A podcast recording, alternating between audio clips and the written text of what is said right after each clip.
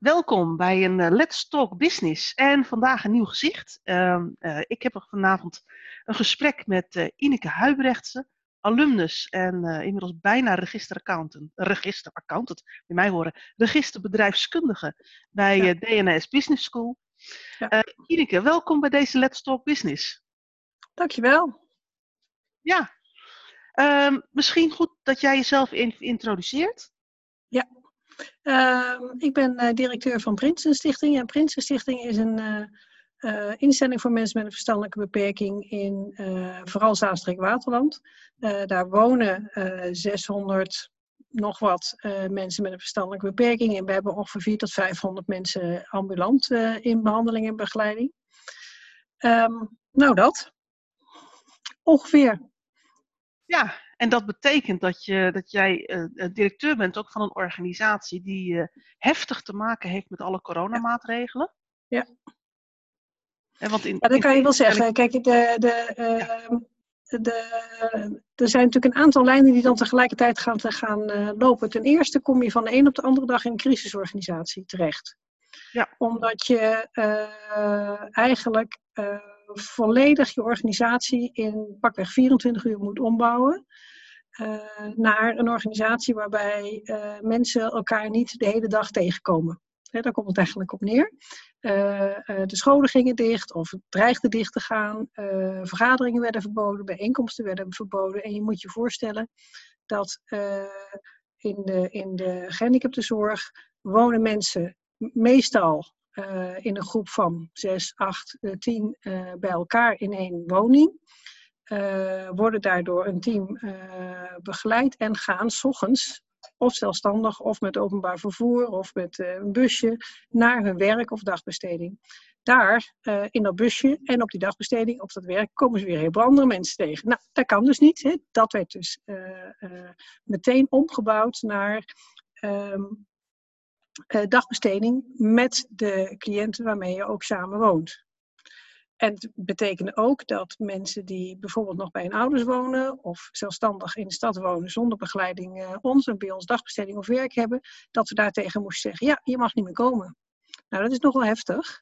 Uh, en dat geeft meteen een aantal uh, vraagstukken, zowel gewoon bedrijfsmatig, hoe doe je dat? Wat betekent dat? Waar laat je je personeel? Wat is je opdracht aan je personeel? Maar tegelijkertijd ook heel veel inhoudelijke vraagstukken. En dan raak je ook meteen natuurlijk uh, zowel het uh, blauwe, groene als het rode perspectief. Dus dat is wel ook wel weer interessant als je erop terugkijkt. Ja, ja want ik kan me voorstellen, hè, het, heeft, het heeft natuurlijk, uh, bij heel veel organisaties hebben die coronamaatregelen voornamelijk impact op, op de medewerkers. Hè, en op de manier van samenwerken binnen de organisatie. Ja. Um, maar bij jou gaat het natuurlijk, in de organisatie gaat het verder. Hè? Jullie hebben mensen inwonend, jullie hebben mensen ambulant, die dan opeens misschien niet meer naar jullie toe kunnen komen. Ik weet niet hoe dat gaat. Ja, klopt. En je hebt natuurlijk een zorgplicht. Hè? Dus die zorgplicht die weegt heel zwaar. Ja. En uh, die zorgplicht ben je ook niet vanaf. Uh, maar in feite worden ook heel veel instrumenten om die zorgplicht uit te oefenen op dat moment uit je handen geslagen. En uh, je hebt dus met een heel breed aspect, heel breed aantal aspecten te maken. die te maken hebben met gezondheidszorg, met veiligheid, met psychische gezondheid van cliënten en medewerkers. En dat loopt natuurlijk door elkaar heen. En ondertussen moet je wel je verantwoording en je bedrijfsvoering ook door laten lopen. Uh, en uh, nou, dat maakt dus dat je eigenlijk van de ene op de andere dag in een heel ander soort organisatie terechtkomt. Dat kan je een crisisorganisatie uh, noemen. Ehm, en dat is op zich helemaal niet erg. Dat is ook best interessant. Hè? Als, als, het goed is, ben je ook wel voorbereid op dat soort situaties. Dat waren we ook wel voor een deel. maar we waren vooral voorbereid op de situatie dat we met heel veel uh, zieke medewerkers te maken zouden hebben en zieke cliënten, waardoor we dus handjes tekort zouden komen om voor zieke cliënten uh, te zorgen. En daar hadden we ons helemaal op voorbereid. Daar was ons, waren onze protocollen op ingericht, daar waren onze plannen op ingericht. En die waren allemaal nog even afgestoft uh, uit de tijd van de Mexicaanse griep. Dus we dachten dat we heel goed voorbereid waren begin maart. Totdat dat hele verhaal van social distancing aankwam. En toen was het echt zo van, oeps, uh, daar waren we even niet op voorbereid. En dat maakt eigenlijk dat je uh, nou ja, eigenlijk het plan wel weer overboord kan gooien en uh, weer opnieuw begint. Ehm, als, je, als, je nou, als je nou zeg maar tegen zo'n maatregel aanloopt, hè, want het is natuurlijk interessant om te horen wat je gedaan hebt in je organisatie. maar ik vind het ook wel interessant, hè, je zegt van we zijn eigenlijk van het een op het andere moment overgegaan naar een crisisorganisatie. Ja. Uh, hoe stuur je dat dan aan? Hè? Want jij bent, jij bent directeur van, van de club. Ja. Hoe, hoe pak je dat dan aan? Ja, wat, we, wat we wel al uh, in ons gewone calamiteitsplan hebben we daar al een bepaalde structuur voor. Hè? Dus die, die, die, voor als er een brand is of wat dan ook. Hè? Dus en die structuur die is goed geoefend, dus die, die is bekend. Dus dat zijn, de, dat zijn eigenlijk de basislijnen waar je langs begint. En we hadden dus ook al nagedacht over een interventieteam, hè, waar, waar samengesteld is ook uit medici en, en een manager en et cetera. Uh, waarin je dus die, ehm, dat is eigenlijk je crisisorganisatie op dat moment. Uh, dus daar raak je op aan. En uh, ogenblikkelijk was ik dus voorzitter van het interventieteam. Ja. En ga je zorgen dat je in dat interventieteam geadviseerd wordt door alle mensen die daar, die daar zitten.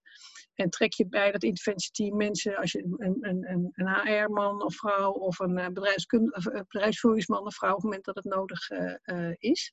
En eigenlijk wordt dus je normale directieoverleggen, die worden in dat interventieteam gepropt. Dat komt het eigenlijk op neer. Je gaat met dat interventieteam ga je de organisatie besturen. En het grappige is dan dat er ineens heel andere mensen aan tafel zitten dan normaal in een directieoverleg aan tafel zitten. Dat is ook wel weer interessant. Noem daar eens een voorbeeld van. Nou, de, normaal hebben we geen verpleegkundige aan tafel in het directieoverleg. En nu werd, in de, wordt in het interventieteam heel veel van het beleid bepaald door de informatie die de artsen en de verpleegkundigen aanbrengen. En, ja, omdat, het, omdat het feitelijk een medisch gestarte nood, noodsituatie is. Ja, klopt. En in eerste instantie zaten ook de manager bedrijfsvoering en de senior HR-dame zaten ook aan tafel. Uh, maar die zijn eigenlijk na een paar dagen afgehaakt. Dat ze zeiden van ja, we zitten hier alleen maar in de weg. Gaan jullie maar je ding doen. En als er iets uitkomt wat wij moeten gaan doen, dan horen we het wel. Dan gaan we dat gewoon doen. Ehm, en het, het bijzondere van zo'n crisisorganisatie is dat, dat je ook naar een ander soort sturing in je organisatie gaat meteen. Hè, waar, waar los van dat je snelheid veel hoger is en je lijnen korter en weet ik veel wat, is natuurlijk in, je, in, in, in onze staande organisatie gaan we heel erg uit van zelforganisatie. Dus dat betekent dat we ja. uh, visie naar beneden duwen en wachten op uh, van onderop uh, de ideeën en de voorstellen en de uitwerking verwachten en daar dan die gaan ondersteunen. En nu doe je dat dus juist niet. Hè? De, die, de, we zijn wel erg geholpen hoor door die zelforganisatie. Daar kan ik later nog op terugkomen. Maar in de, als het gaat over het volgen van richtlijnen van de RIVM en zo, ja, dan weet je, dat uh, gaan we niet ter, ga ik niet ter discussie stellen. Dus ik verwacht ook niet dat mijn medewerkers dat ter discussie gaan stellen. Dat gaan we gewoon doen. Hè? Dat is, je gaat naar een soort militaire organisatie. Uh, uh, die heel strak is en langs hele heldere lijnen loopt. En waar je ook heel consequent in moet zijn. En we hebben te beginnen ook echt een paar keer wel moeten communiceren. Jongens, we zitten in een crisisorganisatie. Dus als dit de lijn is, dan gaan we er niet over discussiëren. dan is en, dat en heeft, heeft, en heeft dat dan te maken met het feit dat jullie normaal eigenlijk een zelfsturende organisatie zijn? Uh, ja, maar ik, ik, denk dat het ook in een ander soort organisatie uh, altijd betekent dat je naar een andere vorm gaat in de manier waarop je met elkaar uh, uh, praat en dingen organiseert. Dit was denk ik een hiërarchische organisatie, tenzij die heel hiërarchisch is, misschien ook wel zo geweest. Maar het, het, viel ons echt vooral op, omdat we zo gewend zijn om alles in overleg met grote groepen te doen. Nou ja, met grote groepen overleg kan sowieso niet meer. Dus ja, hè? hoe doe je dat? Um, Dus van begin af aan uh, was dat eigenlijk een hele belangrijke, uh, waar we al heel snel van zeiden, oké, hier moeten we heel scherp in zijn, dat dit nu even de lijn is. Um, en tegelijkertijd was ook vanaf begin af aan onze visie, met name onze visie op hoe we zorg willen verlenen, hebben we geprobeerd vast te houden. En daar liepen we ook tegen een vraagstuk aan. met name in de gehandicaptenzorg is nabijheid, fysieke nabijheid, ongelooflijk belangrijk. En, uh, dus dat betekent dat onze basismethodiek uh, of theorie of aanpak, uh, die noemen wij gentle teaching. En die gaat heel erg uit van dat je als het kan fysiek, maar ook in, in de manier waarop je praat en, en, en je handen en je houding en je, en je, en je hele gelaatsuitdrukking inzet, dat je naast de cliënt gaat staan op het niveau waar hij of zij is en hem van daaruit meeneemt naar een volgende stap of iets wat er moet gebeuren of wat dan ook. En dat, dat is heel succesvol, maar dat staat of valt bij een afstand van anderhalve centimeter, zeg maar. en niet van anderhalve meter. Uh, en uh, uh, dus dat betekent dat ook dat met elkaar constateren. dit is zo in strijd met wat wij gewend zijn, met, met ons basisprincipe van gentle teaching. Het is goed om ons dat te realiseren. Aan de ene kant dat, dat, is iets, dat we dat moet, wel moeten proberen. Aan de andere kant, als het niet kan, het niet kan. Want het, het, het basisprincipe blijft toch dat wij medewerkers begeleiden vanuit die nabijheid. En als we dat niet meer gaan doen, ja, dan, dan verliezen we echt onze, al onze instrumenten.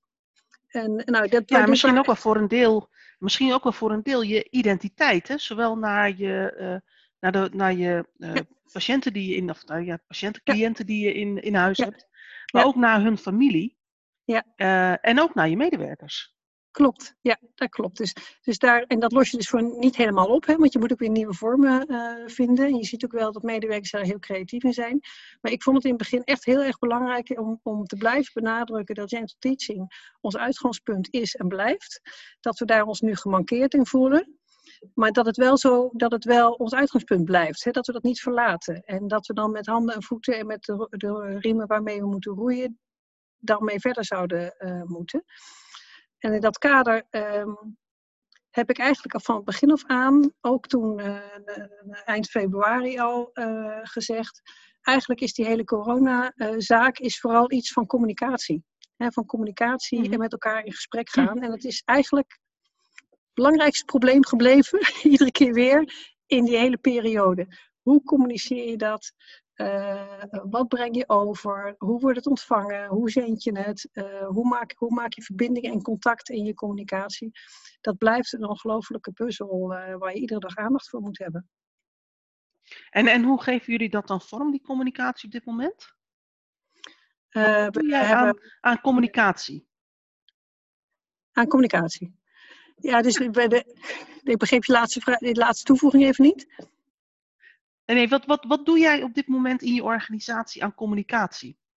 Ja, uh, we hebben een uh, dagelijkse update die naar alle medewerkers toe gaat per mail. Uh, en ik maak wekelijks een, uh, een filmpje waarin ik nou, in, net een aantal onderwerpen die op dat moment van belang zijn bespreek.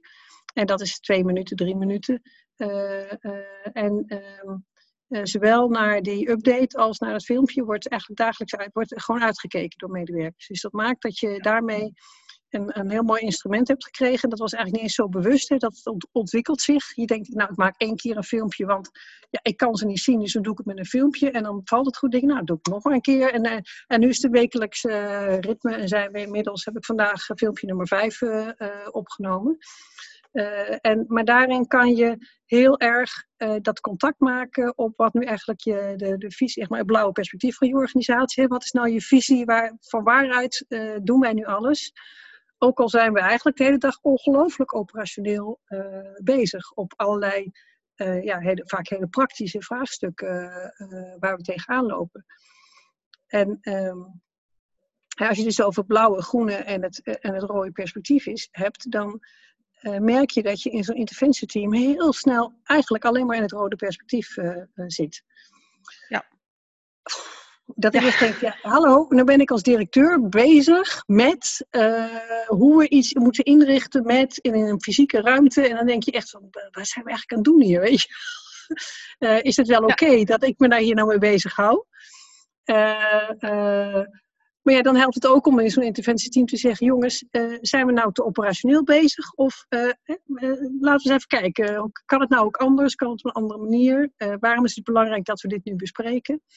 Ehm, en dat is ook wel weer het leuke van zo'n van zo'n crisisorganisatie: dat je dat soort vraagstukken ook, dat je dat soort dingen ook makkelijker met elkaar bespreekt. Hè? Je wordt opener, directer. Sorry, mijn telefoon gaat. Dat is mijn dochter die in quarantaine zit. Uh, ja. Het is ook belangrijk, maar nu even niet. maar nu even niet. Nee. maar je ik kan me voorstellen dat ik kan me voorstellen dat als je aan zo'n um, um, crisisorganisatie begint, dat, dat eigenlijk alles wat, er, wat je in zo'n, zeg maar, het vervangende MT, hè, het interventieteam, wat je daar doet, dat dat in het begin ook heel operationeel moet zijn. Ja. want je zit met name daar bij elkaar om te bespreken van hoe gaan we nou met deze crisis onze toko verder laten draaien? Hoe gaan we zorgen dat we operationeel zijn? Maar we zijn nu in week vijf. Verandert nu ook zeg maar, de, de, de aard van dat wat je bespreekt in het interventieteam? Ja. En, en, en we bespreken nu ook al, uh, moeten we het interventieteam nu ook wat vaak, minder vaak bij elkaar komen of in een ander, in een ander uh, systeem bij elkaar komen. Dus je, kijk, wat je ziet is dat je in eerste instantie vooral bezig bent met inrichten. Uh, hoe ga je van A naar B eigenlijk, omdat je in één keer de hele organisatie om moet gooien. Daar ben je de eerste twee weken mee zoet. Uh, vervolgens aan de, ergens in die tweede week uh, uh, gaan, gaan we weer vragen stellen over, ja, maar dan hebben we nu toch even andere businessinformatie nodig. Hè? Dus dan ga je eigenlijk je hele businessinformatiesysteem anders inrichten of een, specifieker maken voor deze situatie. Dus dat vond ik ook wel heel grappig dat, we, dat je eigenlijk weer ook in die crisisorganisatie weer gaat sturen. Ehm, en, ehm, en uh, vervolgens uh, ga je uh, de, de operationele vraagstukken veel meer naar, naar andere tafels verwijzen. En ehm, heb je het nog eigenlijk over twee dingen. Punt 1. Hoe is het vannacht gegaan? Dat is altijd de eerste vraag. Hè? zijn er nog cliënten ziek geworden of medewerkers? Of nou ja, is er ergens nog een, een probleem? Dan gaat het echt over het, het, het volgen van de acute situatie, want die is er nog steeds. Um, en de tweede uh, vraag zijn meestal uh, vraagstukken over, als dit nu de richtlijn is, wat betekent dat nu over hoe we medewerkers inzetten? Of wat betekent nu hoe we medewerkers gaan testen, ja of nee? En, en wat als medewerkers een positief testen, wat, wat doen we daar dan mee? Hoe, hoe gaan we dat communiceren? Hoe, hè, wat voor acties zitten daar dan daarna? Dus dan zit je veel minder op het, uh, op het rode perspectief, maar zit je veel meer in het groene perspectief, waarbij je die combinatie maakt van de operationele kanten en hoe jij daar dan vanuit jouw visie uh, mee om wil gaan. Uh, ik kan me ook voorstellen, je, je vertelde net dat, dat in, dat in zo'n interventieteam zitten mensen met andere soorten achtergronden en disciplines. Hè? Ja. En je vertelde van onder andere uh, vanuit je normale directie of MT, ehm, bijvoorbeeld de HR zei van ja, wat, wat, wat doe ik hier eigenlijk aan deze tafel? Hè? Ik bedoel, ja. het, ik, eigenlijk zeg maar, zit ik hier voor spek en bonen bij. Maar nu, maar nu die crisis wat verder gaat en je, en je over de eerste hobbels van de crisis heen bent en je bent feitelijk georganiseerd op de crisismaatregelen, uh, is dan nu ook het moment dat, zo, dat zeg maar, uh, je, je meer van je interventieteam overgaat naar je normale MT? Ja, daar zijn we nu weer bezig om dat weer, weer neer te zetten. Uh, om twee redenen. Punt één, omdat je ook uh, nu merkt, ja, er zijn een aantal onderwerpen die je ruim een maand uit je handen hebt laten vallen. Dat gaat niet meer. Hè? De, de, dat is, uh, dus je, en, en, je moet ook weer het een wat reguleer, gereguleerde contact met je medezeggenschap gaan onderhouden. Want al die vergaderingen zijn ook allemaal weggelopen. En dan, ja, dat, dat, dat kan allemaal niet meer. dus je moet echt weer naar je oude directieoverlegstructuur. Uh, en uh, dus we pakken we inventariseren die onderwerpen, we pakken die één voor één weer op en we gaan die oude directieoverleg weer, weer inplannen, maar in een ander soort, nog iets aangepaste vorm. En ehm, de andere kant is dus ook dat je, dat je merkt, ja, we zijn nu zo geroutineerd op die operationele vraagstukken, die kunnen we nu gewoon echt delegeren naar een, een ander clubje die dat doet en die daar regelmatig over uh, rapporteert. Dus je gaat echt weer je overlegstructuur uh, aanpassen daarop. En je merkt ook dat iedereen moe wordt en uitgeput raakt. En die gaat dan, iedereen gaat zich met iedereen bemoeien. En nou, jongens, hou op, hè? weet je, moeten we niet doen. Ja. hou op. Ja. En ja. dus je gaat eigenlijk naar een soort vorm dat je weer een soort combinatie gaat maken van je oude directieoverleg en, en het interventieteam overleg. Wat, wat mij, je, je bent uh, bij ons ook vaak in een, uh, in, of ja, niet vaak, maar je, hebt, je, hebt, je hebt vaak als case gediend. Uh, ja. Je hebt onder andere als case gediend in het, in, de, in het digitale college wat de kerndocent Gert-Jan Melker heeft gegeven. Dat ging over zelforganisatie. en je was voorbeeldorganisatie voor een, eigenlijk een grote organisatie die over, helemaal over is gegaan op zelfsturing. met zelfsturende teams. En je hebt toen verteld over hoe dat proces gelopen is en, en eigenlijk dat jullie daar heel succesvol mee werken. Als je nou kijkt naar zo'n zo'n crisisperiode zoals nu, hè, en dat je eigenlijk van de een op de andere dag overgaat naar een crisisorganisatie. Wat betekent dat voor het systeem van zelfsturende teams?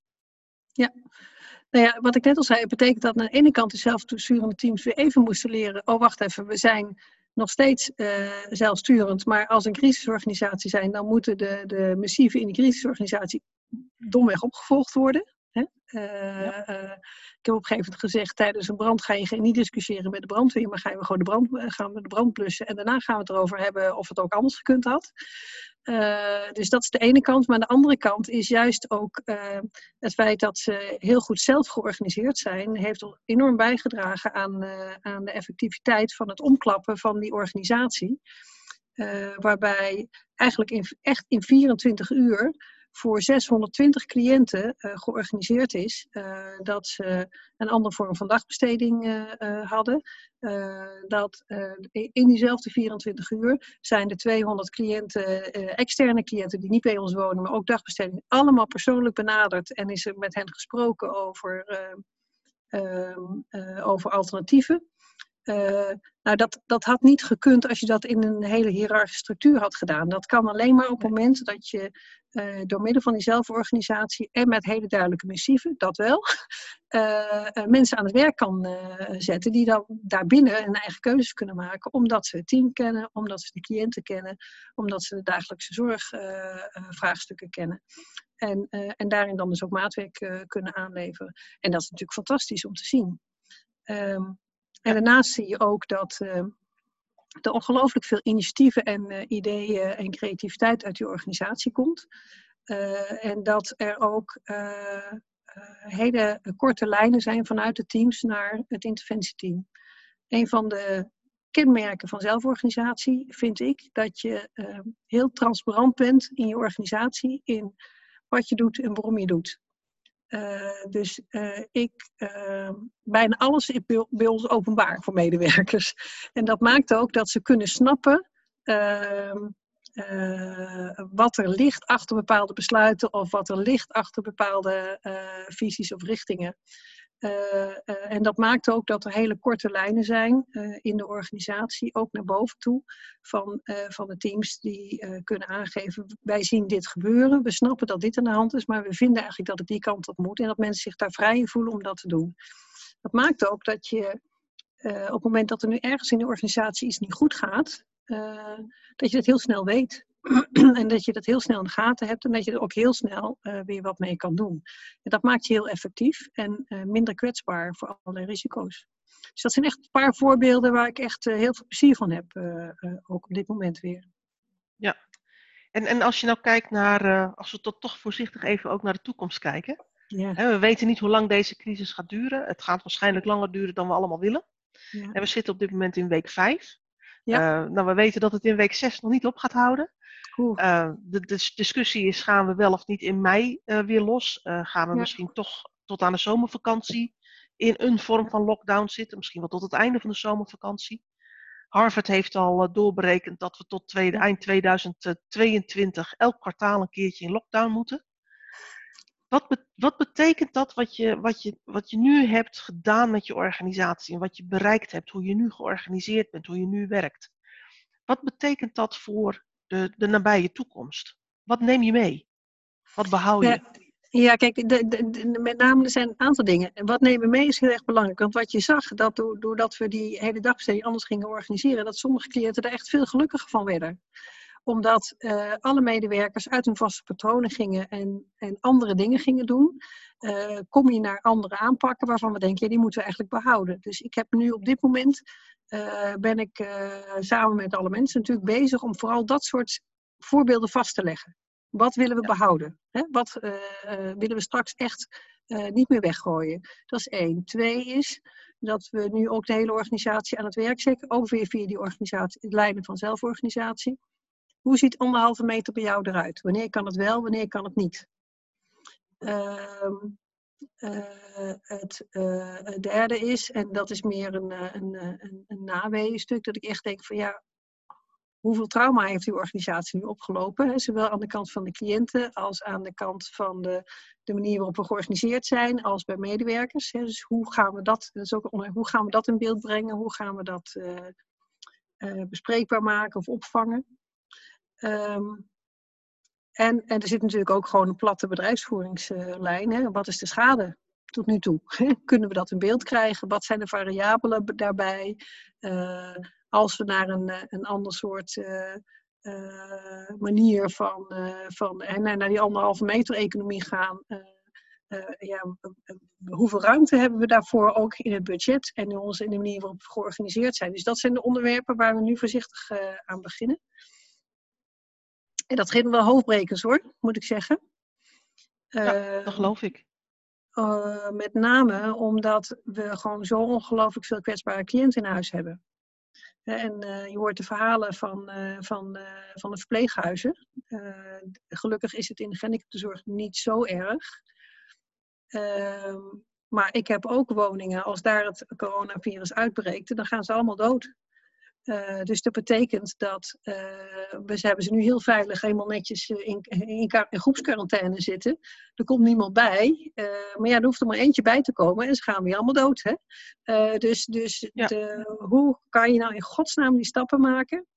het leefbaar houden voor cliënten, want dat moet echt, dus voor sommige cliënten is het echt niet leefbaar hè? op zo'n gelukkige minderheid, maar dat is echt wel zo. Uh, en, uh, en toch uh, dit soort enorme risico's niet gaan lopen. En dat vind nou, ik echt een puzzel. Ja. Zou je kunnen zeggen dat zeg maar, in die, op het moment dat die knop omgaat hè, en je gaat naar een crisissituatie, dat je dan eigenlijk in de fase zit van eerst alles in het rode perspectief, zorgen dat die organisatie door kan, met, het, met de nieuwe werkelijkheid door kan. Hè? Um, en op het moment dat dat georganiseerd is, dat je als team ook de stap maakt naar het groene perspectief en zegt van, joh, wat betekent dat nou eigenlijk in het kader van waar we voor staan, wat we willen, ja. wat we aan geld hebben, wat we, uh, uh, waar we, hoe we onze doelstellingen halen. En dat je nu eigenlijk ook bezig bent met kijken van, joh, wat zijn nou de lessons learned die we mee kunnen nemen naar de wat langere termijn en eigenlijk ook weer, uh, eigenlijk misschien wat toevoegen aan onze identiteit, omdat we geleerd hebben van hoe het in deze situatie kan. Ja, ik vind dat je dat, uh, dat met name dat toevoegen aan je identiteit, dat vind ik echt mooi dat je dat uh, uh, zo zegt. Want ik denk dat dat inderdaad de extra kwaliteit is die we gaan, kunnen gaan toevoegen straks. Ehm, aanvullend zou ik wel zeggen, ja, je bent in de eerste fase echt met het rode perspectief bezig. Maar wel met iedere keer het bewustzijn van wat is nu de visie en je aanpak. Hè? Ga daar naar kijken. En uh, ik heb me ontzettend gestoord aan dat uh, in die eerste dagen uh, alle gehandicaptenzorginstellingen riepen: wij doen de dagbesteding dicht.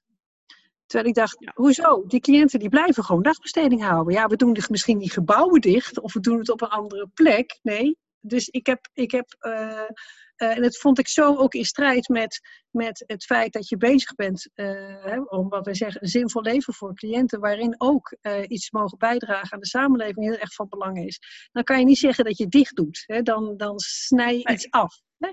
Dus ik heb van begin af aan gezegd, wij doen niks dicht, wij gaan naar dagbesteding 2.0. Daar zijn we mee bezig en dat, zo hebben we dat projectje ook genoemd. En dat, ja, dat, op een of andere manier was dat wel ook voor ons allemaal een heel belangrijk principe om het zo te noemen. Terwijl eigenlijk alle instellen, andere instellingen het we doen, we sluiten de dagbesteding.